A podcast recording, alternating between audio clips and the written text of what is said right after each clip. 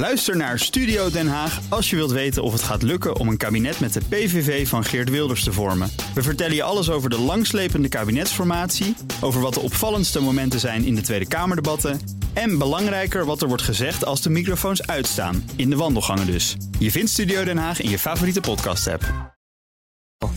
Lobbypanel. Er zijn zorgen over vertraging in het vergroeningsplan van Tata Steel. En beleggersclub Amedion wil de spreektijd van klimaatactivisten bij aandeelhoudersvergaderingen beperken. Dat en meer bespreek ik in het lobbypanel. En daarin zitten Irene Boon, eigenaar van Trias Politica Advies... voor organisaties die willen samenwerken met de overheid. En Debbie de Wagenaar, reputatie-expert lobbyist... voor beursgenoteerde ondernemingen. Welkom, goed dat jullie er zijn. Hoi, dank je. Met natuurlijk ook jullie eigen nieuws. Debbie, jij mag het zeggen.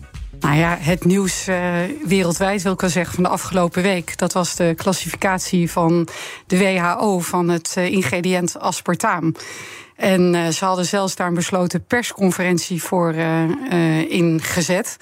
En nou hadden ze al door een lek van tevoren uit de rapporten laten blijken dat ze aspartaam zouden notificeren als mogelijk kankerverwekkend. Uh, en dat is even, by the way, ook aloe vera en nachtwerk. Als je veel nachtwerk doet, dan kan dat een mogelijke kans geven op meer kanker.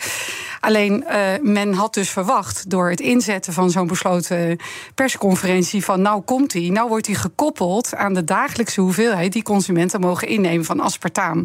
Dus de journalisten die ik sprak, die bij die persconferentie hadden gezeten, nou die waren ronduit kwaad. Want er kwam niks. Het bleef gewoon dezelfde dagelijkse hoeveelheid die je mag innemen. Dus zij zeiden allemaal, en dat zag je dus ook in de media gebeuren. De spin keerde zich tegen de WHO. Van ja, je zet zo'n zwaar communicatiemiddel in. En je hebt niks te melden. Dank dus je had minder op de trom moeten slaan? ja, je had een heel ander middel uh, in deze uh, uit de hoed moeten toveren. En anders ook eerder. Want als jij een lek hebt van je rapporten. wat natuurlijk ging over dat uh, mogelijke kankerverwekkende. dan had je toen al iets van een persconferentie moeten geven. om de lek in dat rapport te dichten. Maar als je dat dan een week, ruim een week erna doet. ja, dan wordt verwacht. nu komt er echt goed nieuws. waardoor we nog een keer daarover kunnen verslag geven. Dus mensen hadden de tijd voor ingeruimd, verslaggevers. En ze zaten daar voor Jan Nop. Hoe kan dat gebeuren bij de WHO? Want die zullen toch gedurende de coronaperiode wel wat ervaring hebben opgedaan met hoe de pers te woord te staan. Uh, en nu wordt er dus uh, van een uh, mug een olifant gemaakt, om het spreekwoord maar eens om te draaien. Want er verandert eigenlijk helemaal niks aan de maximum van aspartaam. Wij hebben hier naar een slag naar geslagen. En dat heeft denk ik toch te maken met het feit dat de rapporten zouden op een vrijdag uitkomen. En een week daarvoor kwam er al een grote lek. Dus wij denken toch dat ze het naar voren hebben getrokken, die persconferentie waarbij ze dus de rapporten zouden publiceren. Dat ze die naar voren hebben getrokken vanwege die lek. Alleen denk ik dat het wat heel veel dagen kostte om hun ex together te krijgen. En ja, toen werd het een beetje een raar scenario. Dus uh, ja, ik denk dat ze hier iets meer hands-on, flexible en sneller hadden moeten reageren. Irene, jouw nieuws. Ja, het is eigenlijk niet echt nieuws. Ik ben gewoon, uh, wij zijn bezig achter de schermen nu het, uh, de Kamer met reces is en we ook geen trainingen fysiek geven. Met het uh, ontwikkelen van e-learnings voor bedrijven die willen weten hoe die overheid nou werkt en vooral ook hoe die niet werkt. Dus wij hebben eigenlijk, we zijn een beetje meer naar binnen gekeerd dan naar buiten op dit moment. En dat, dat is gebruikelijk in deze periode van het jaar? Ja, ja, de fysieke trainingen die, eh, die, die doen we eigenlijk. Nou ja, het loopt een beetje parallel aan het parlementaire jaar. Niet om een bijzondere reden, maar gewoon dat de meeste mensen op vakantie zijn nu. Het is wel een raar parlementair jaar natuurlijk, hè? Want de campagne wordt ook weer uh, zo langzamerhand opgestart. Ja. Maar dat, dat doet niks af aan het reces en de rustiger periode die voor jullie aanbreekt. Zeker, zeker. En eh, door het jaar heen is het altijd heel druk en hectisch. En zit je natuurlijk heel erg op die actualiteit. Dus in de zomer, als er iets minder actualiteit is, dan gebruiken we het voor dat soort uh, upgrades. En uh, nou ja, je kan dus ook vanuit je hangmat nu uh, leren hoe die overheid wel en niet werkt. Dat is, dat is wel lollig eraan. We gaan naar uh, beleggersclub Aemedion. Zegt het uh, voorzichtig, maar wil de spreektijd van klimaatactivisten bij aandeelhoudersvergaderingen beperken. Door protestacties staan activisten vaak meer in de schijnwerpers dan de prestaties van bedrijven en komen de zorgen van andere aandeelhouders helemaal niet meer aan de orde. Uh, Iedereen, snap jij dat Aemedion nu zegt: hier moeten we paal en perk aan stellen? En hier moeten ook de voorzitters van de Raden van Commissarissen paal en perk aan stellen? Nee, eigenlijk niet. Ik, uh, ik vind het een heel opmerkelijk uh, advies om de spreektijd voor uh, aandeelhouders te beperken. Ik vraag me af of het ook kan, juridisch. Kijk, als je er technisch naar kijkt, is hier sprake van een conflict situatie. Er zijn activistische aandeelhouders die uh, voelen zich niet gehoord en die hebben een groot gevoel voor urgentie dat het allemaal anders moet. En zij kunnen dus niet met normale communicatiemiddelen hun uh, punt maken. Dus gebruiken zij die aandeelhoudersvergadering. Uh, en dan gaat het eigenlijk over: is het gebruiken of misbruiken van recht? Maar als je dan gaat zeggen en adviseren ook aan je achterban, je moet dat recht verder inperken, dan gooi je olie op het vuur. Uh, het probleem is niet. Bedoel, de, olie, goed gevonden. dan gooi je een fossiele brandstof op de discussie, inderdaad. Nee, maar het punt is natuurlijk dat als je, uh, en dat roepen die activisten ook, als wij onze spreektijd beperkt krijgen, dan gaan we gewoon door de vergaderingen heen praten. Maar dat doen ze al. Het heeft een wat drammerig karakter, maar de ervaring is wel dat als je die mensen, als je het omgekeerde doet en je geeft ze heel veel spreektijd, je zegt, nou, vertel nou eens even, waar gaat het eigenlijk over? Ja, Irene, is, is dat nou zo? Want ik ga hier geen partij kiezen, daarvoor ben ik uh, journalist. Maar dit zijn uh, vrijwilligers die worden getraind om zo goed en zo kwaad als het gaat microfoons te claimen, zich het woord niet te laten ontnemen. En dan zeg je, ja, dan weet je wat draai het om, geef ze alle spreektijd die ze willen. Maar daarvoor zijn het natuurlijk goed getrainde vrijwilligers... die misschien die tijd wel kunnen volbabbelen. Ja, maar die worden dus getraind op het huidige systeem. Waarin er nou eenmaal beperkingen zijn. Er meteen beveiliging eh, ingeroepen wordt om die mensen eh, af te voeren. Dat levert hele leuke mediabeelden op. Dus dat is alleen maar koren op de molen van die, van die activisten. Terwijl als je een special AVA zou beleggen. Oh. en je zegt we maken een thema van duurzaamheid. en onze roadmap naar een beter uh, beleid dan krijgt iedereen daar niet 15, maar 30 minuten spreektijd. Dan gaan we daar echt naar luisteren. En de voorwaarde is dat op de andere AVA, waar de rest aan de orde komt, dit dus niet meer ter discussie wordt gesteld. Dan haal je de angel eruit. Allereerst, want uh, goed voorstel dat ook vraagt om een reflectie van Debbie. Maar wat vind jij van het standpunt dat Eumedion nu inneemt? Ik dacht eerst vanuit uh, zelfbelang lijkt me heerlijk. Want uh, ik heb menig AVA mogen volgen. En ja, je zaagt of in slaap. Of je denkt echt van nou, ik had graag iets uh, willen horen over de bonusstructuur of het beloningsbeleid van de top. En dan gaat het, wordt de spreektijd echt wel weggenomen, ook door, door anderen. Ik zit er iets gewogener in. Want ik denk dat het signaal, het tegensignaal ook wel goed is. Ik denk dat menig AVA nu misbruikt wordt op een bepaalde manier. En dan geeft, geef je net aan van ja, dan staat wel beveiliging, maar daar gaat het niet helemaal om. Ik denk. Uh, het is ook tendentieus. Dus kijk, je had het net al even over een oplossing van een special uh, AVA. Maar dat weet ik niet of dat een oplossing is. Want een AVA is er voor alle aandeelhouders. En dat betekent dus ook dat je een middel moet vinden. En meestal ligt dat in handen van uh, de juiste voorzitter van een AVA. Ik bedoel, we hebben een paar sterke en die kunnen dat ook goed beperken. Die zeggen gewoon dank je wel voor je bijdrage. Maar tegenwoordig is die netheid en die fatsoen er ook niet meer helemaal. Jeroen van der Veer zegt, Jeroen van der Veer, toch niet de eerste de beste, heeft al wat ervaring met tumultueuze aandeelhoudersvergaderingen, zegt je moet beleefd blijven, ook als voorzitter van de vergadering. Uh, je weet dat ze eigenlijk niet op je antwoord zitten te wachten. Maar geef ze de ruimte en maak er verder ook geen rel van. Hoe moeilijk is dat? Want het, het, neemt natuurlijk wel een hevigheid toe. De laatste aandeelhoudersvergadering van Shell eh, kennen we misschien nog wel vooral van de liedjes die werden gezongen. En de mensen die inderdaad uh, werden weggevoerd. En vervolgens kwam de volgende in het rijtje.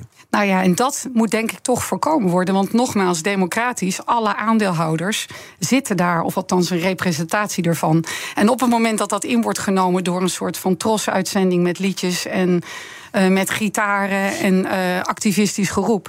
Dan denk ik van, ja, ik weet niet of een speciale AVA het antwoord is. Maar misschien zou hierover nagedacht worden. En ik ben het niet helemaal eens met de VEB en Medion dat gaan roepen. Dat moet direct de beperking van het spreekrecht zijn. Ik denk dat er andere oplossingen zijn. Nou, die andere oplossing wordt ook aangedragen. Hè? Want Medion wijst op de Corporate Governance Code waarin het gaat over de stakeholdersdialoog. Want wat iedereen zegt klopt. Hè? Die mensen denken nu, het kan één keer per jaar nu ga ik ook mijn punt maken en dat punt zal duidelijk worden. En als ik niet gehoord word, dan zeg ik het nog een keer.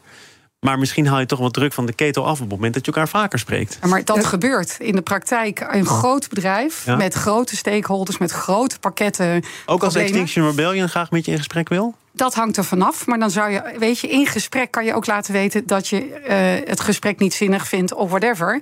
Maar dan ben je wel in gesprek geweest. Dus die stakeholders-dialoog, waar een medion nu toch het een en ander van verwacht, opwijst als mogelijke oplossing, zeg je dat instrument wordt al toegepast dat gaat dan ook niet heel veel in gang zetten. Kijk, ik kan nooit achter de schermen kijken. Maar als jij een Nou ja, grote wel, corporate jij kan bent, dank je. Ik kijk regelmatig achter de schermen van vele corporates.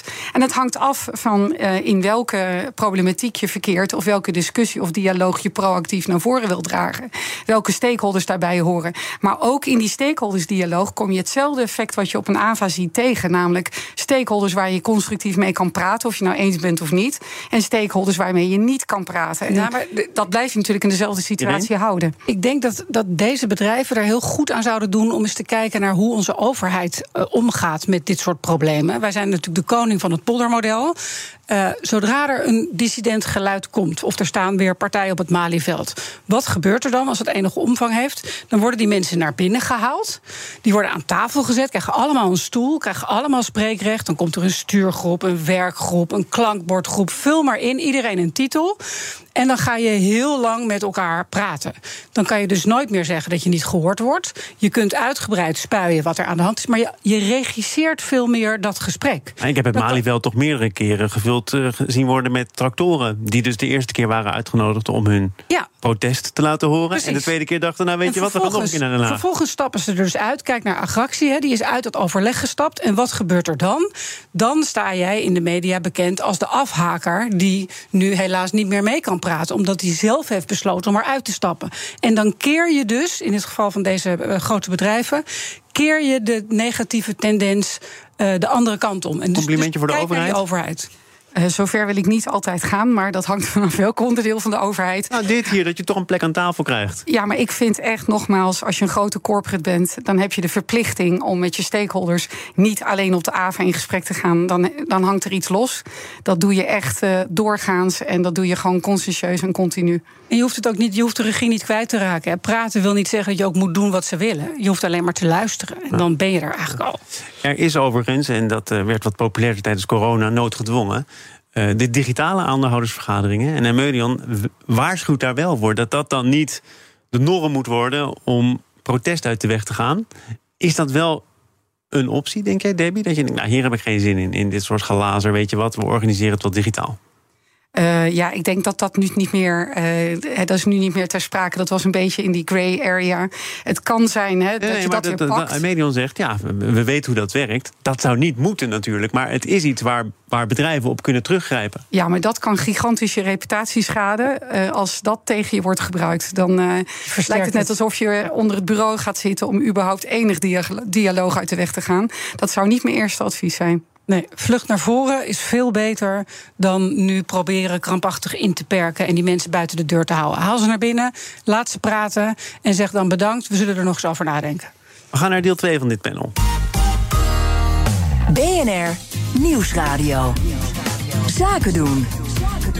Thomas van Zeil. Er wordt hier non-verbaal gecommuniceerd. Werkt nooit zo goed op de radio. Maar leuk dat jullie er zijn. Irene en Debbie, eh, leden van ons lobbypanel Irene Boon en Debbie de Wagenaar. Het kabinet maakt zich zorgen over vertraging bij de vergroening van Tata Steel. Tata wil in 2030 een deel van zijn staalfabriek hebben overgeschakeld van kolen naar aardgas. En uiteindelijk waterstof. Dat moet veel uitstoot van CO2 en milieuvervuilende stoffen schelen. Maar begin mei meldde het bedrijf dat een, een verdere uitwerking van de plannen nog op zich laat wachten. En dan worden zaken genoemd als inflatie, verslechterde economische en marktomstandigheden, energiecrisis, stikstofproblematiek en de extra klimaatmaatregelen van het kabinet. Debbie, als eh, reputatie-expert, hoe komt dit op jou over? Pijnlijk. Ik, toen ik dit las, dacht ik echt: dit bedrijf zit in een grote crisis. Niet veroorzaakt door communicatie, maar mede. Ze zitten met een groot reputatieprobleem. Ze zijn aangemerkt als vervuiler. En niet alleen binnen Nederland, maar gewoon wereldwijd. Sla de media er maar op na of kijk maar online. En dan heb je dit bericht. En ik zeg altijd: als je in grote problematieken zit. Helpt maar één ding als je als bedrijf grote daden doet. En als je positief de echte duurzame stappen doet en je meent het en je voert het uit. En ik lees dan als uh, excuustruus uh, in dit verband van ja, inflatie, bladibladibladibla. Ja, mijn hart zonk uh, drie kilometer Zou omlaag. Tata het niet menen? Want dat is wat je hier zegt. Als je het echt meent, dan sla je nu een grote slag. Het punt is, duurzaamheid kost geld. En waarom? Je hebt te maken met omschakelingen in je bedrijf, van zowel de wijze waarop je werkt als met menskracht. En dat wordt soms nog door vaak ook uh, oude leiders, als ik het zo mag eermarken, als een project gezien. En ik denk op het moment dat jij duurzaamheid echt meent en het zit echt als onderdeel in je DNA, dan heb je andere vraagstukken. En als je dit, eh, en stel nou dat het bij Tata echt zo is en ze menen het echt, dan kan dit niet je commentaar zijn waarbij je als. Uh, zeg maar tegenwicht biedt. Ja, dat komt door de inflatie, dat komt door allerlei wetgeving. Dat kan wel zo zijn. Dat betekent alleen maar dat je zes stappen uh, harder moet lopen.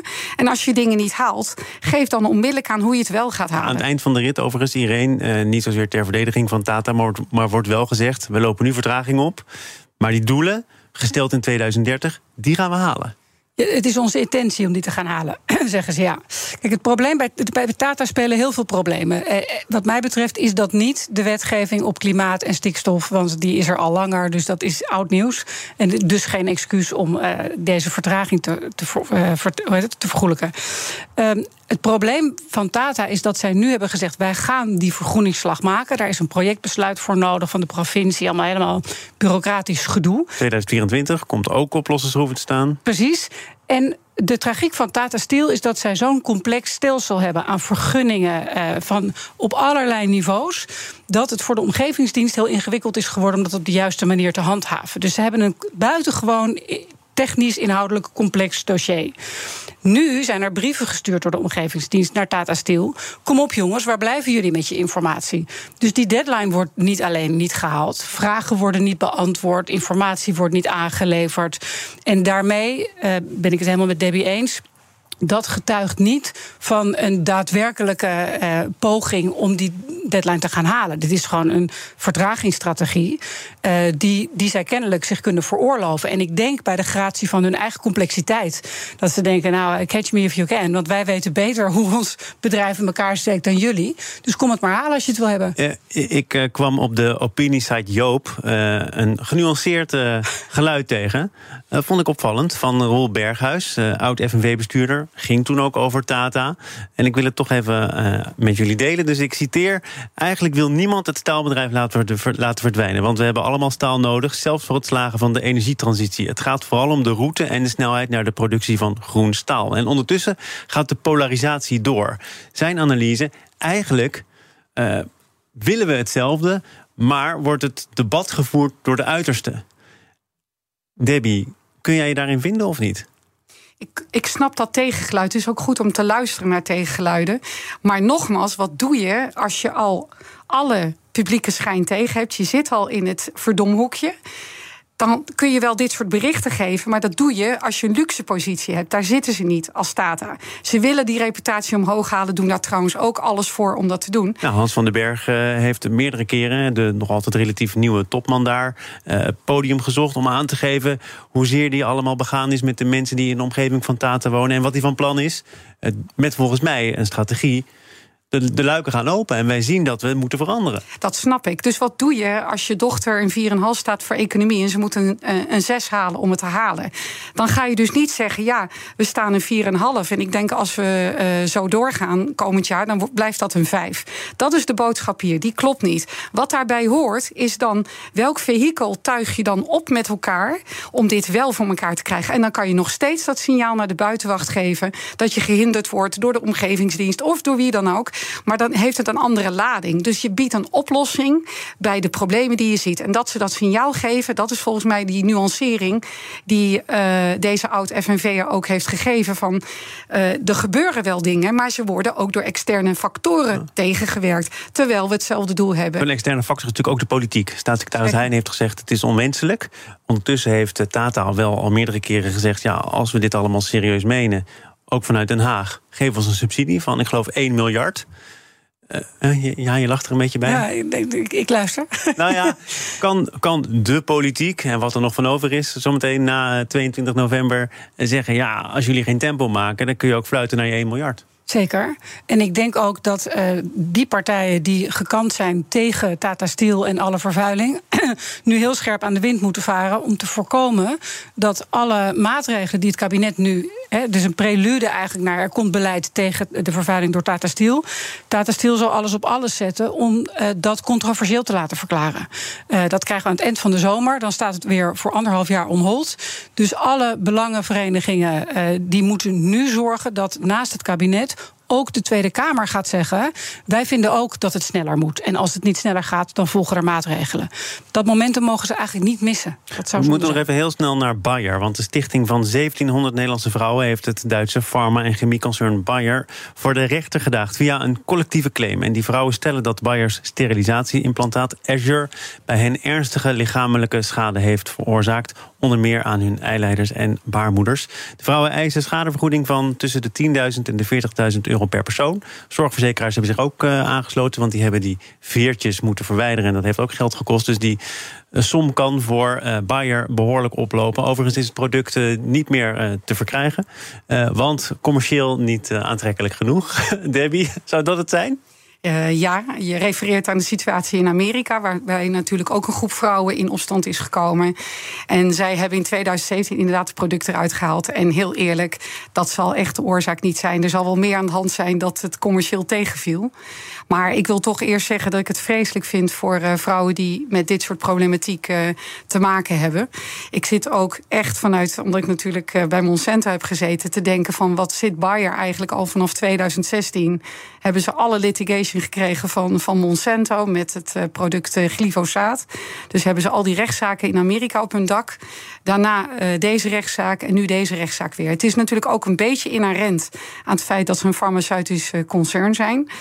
Uh, en wat mij echt heel erg opviel, Thomas, dat was dat aan de ene kant zag je, we gaan de hard in, we gaan de stevig in. En we hebben in Amerika nooit gezegd dat we schuldig waren. We hebben wel een som betaald.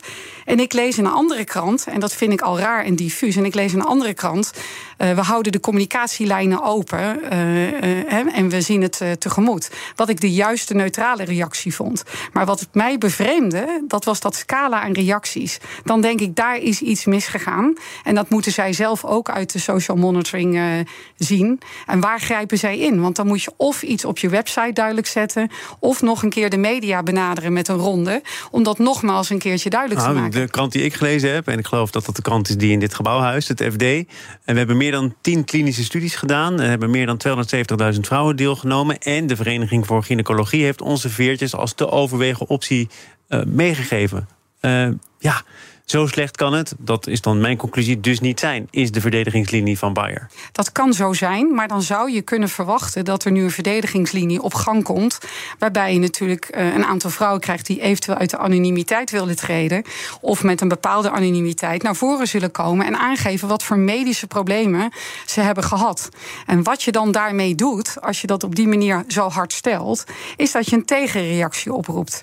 En ik zou niet graag in de schoenen willen staan van Bayer als je je vijf verhalen leest over vrouwen die weet ik niet, nooit meer kinderen hebben kunnen krijgen of vreselijke schade hebben opgelopen. Dat win je niet. Dus ik zou nogmaals, komt het thema van de dag weer terug, ik zou nogmaals eerder de dialoog zoeken. Nogmaals, dat is geen schulderkenning of verantwoordelijkheid nemen voor die problematiek. Maar vaak is die tussenoplossing, het parkeren, ook communicatief. Het slaan communicatief leidt tot een fellere reactie. Dat zou je niet moeten willen. Ik zou toch eerst even op de verkenning gaan. Wat zou jij doen? Nou, het, het, het, opmerkelijke is dat er inderdaad in Amerika voor miljarden is uitgekeerd in een soort schikking. Dus dat roept bij mij de gedachte op dat er wel degelijk over te praten valt buiten rechten. Nou is het zo dat er een massaclaim wordt gestart met gebruikmaking van een, van een relatief nieuwe wet. Die heeft als voordeel dat al die vrouwen die gedupeerd zijn niet zelf de kosten hoeven te dragen, want dat kan natuurlijk heel erg duur zijn. Maar de vraag is wel of je uh, als individu dat last heeft nu van al deze vervelende bijwerkingen, het beste gediend bent bij zo'n collectieve claim. Als je ziet dat er in Amerika uh, allerlei schikkingen tot stand zijn gekomen op maat, is dat dan niet eigenlijk wat je liever wil? Los van of je dat kan betalen of niet. Dus voor Bayer denk ik dat het verstandig is om die dialoog wel open te houden. Ik denk dat ze niks anders kunnen dan nu nog zeggen: nee hoor, met ons product is niks mis. Want anders dan hadden ze die schikkingen in de, in de Verenigde Staten ook niet hoeven doen. Dus nu ze eenmaal die weg hebben ingeslagen, begrijp ik wel dat ze dat volhouden. Maar ik zou ook niet graag met ze willen ruilen. Morgen in dit programma niet per se alleen over Bayer. Een uh, uitgebreider gesprek met een claimadvocaat rond uh, de klok van tien over half twee. Ik dank het uh, panel van vandaag. Debbie de Wagenaar, reputatie-expert lobbyist voor beursgenoteerde ondernemingen. En Irene Boon van Trias Politica Advies. Tot een volgende keer. Dank je. Dit panel is ook te beluisteren als podcast. Abonneer je vooral even via je favoriete kanaal of de BNR-app. Zometeen een gesprek met een nieuwe Future Business Leader.